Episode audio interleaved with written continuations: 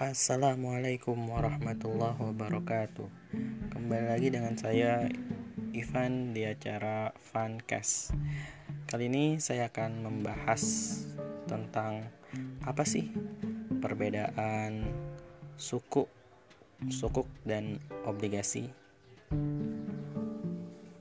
Oke, perbedaan suku dan obligasi.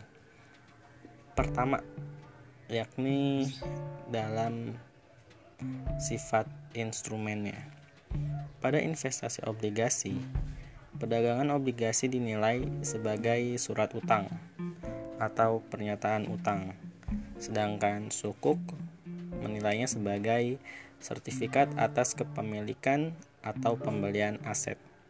Oleh karena itu, sukuk memiliki underlying aset atau SBSN, surat berharga syariah negara, sebagai bukti kepemilikan investor atas obligasi.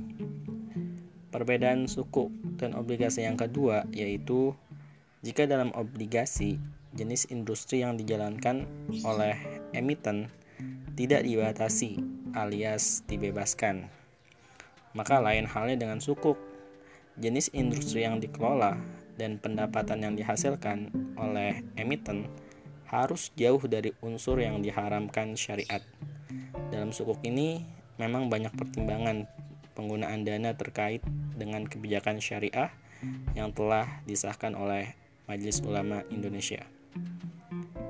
Perbedaan yang ketiga, bagi perbedaan suku dan obligasi ini mungkin menjadi pertanyaan dalam kita semua. Apakah di dalam suku tetap ada keuntungan yang dihasilkan? Apakah keuntungannya sama seperti investasi obligasi? Dan jawabannya adalah memang uh, investasi suku itu mempunyai keuntungan yang hampir sama dengan investasi obligasi. Namun penyebutan dan prinsipnya saja yang berbeda. Pada obligasi akan mendapatkan kupon atau bunga dan capital gain sebagai keuntungan. Sementara pada sukuk, Anda akan menerima imbalan yang berasal dari ujroh atau uang sewa, margin bagi hasil, dan imbalan lain sesuai dengan akad yang telah disepakati bersama. Referensi Fatwa DSN MUI nomor 127 2009 2019 mengenai sukuk dan Fatwa DSN MUI nomor 32 2020 2002 mengenai obligasi.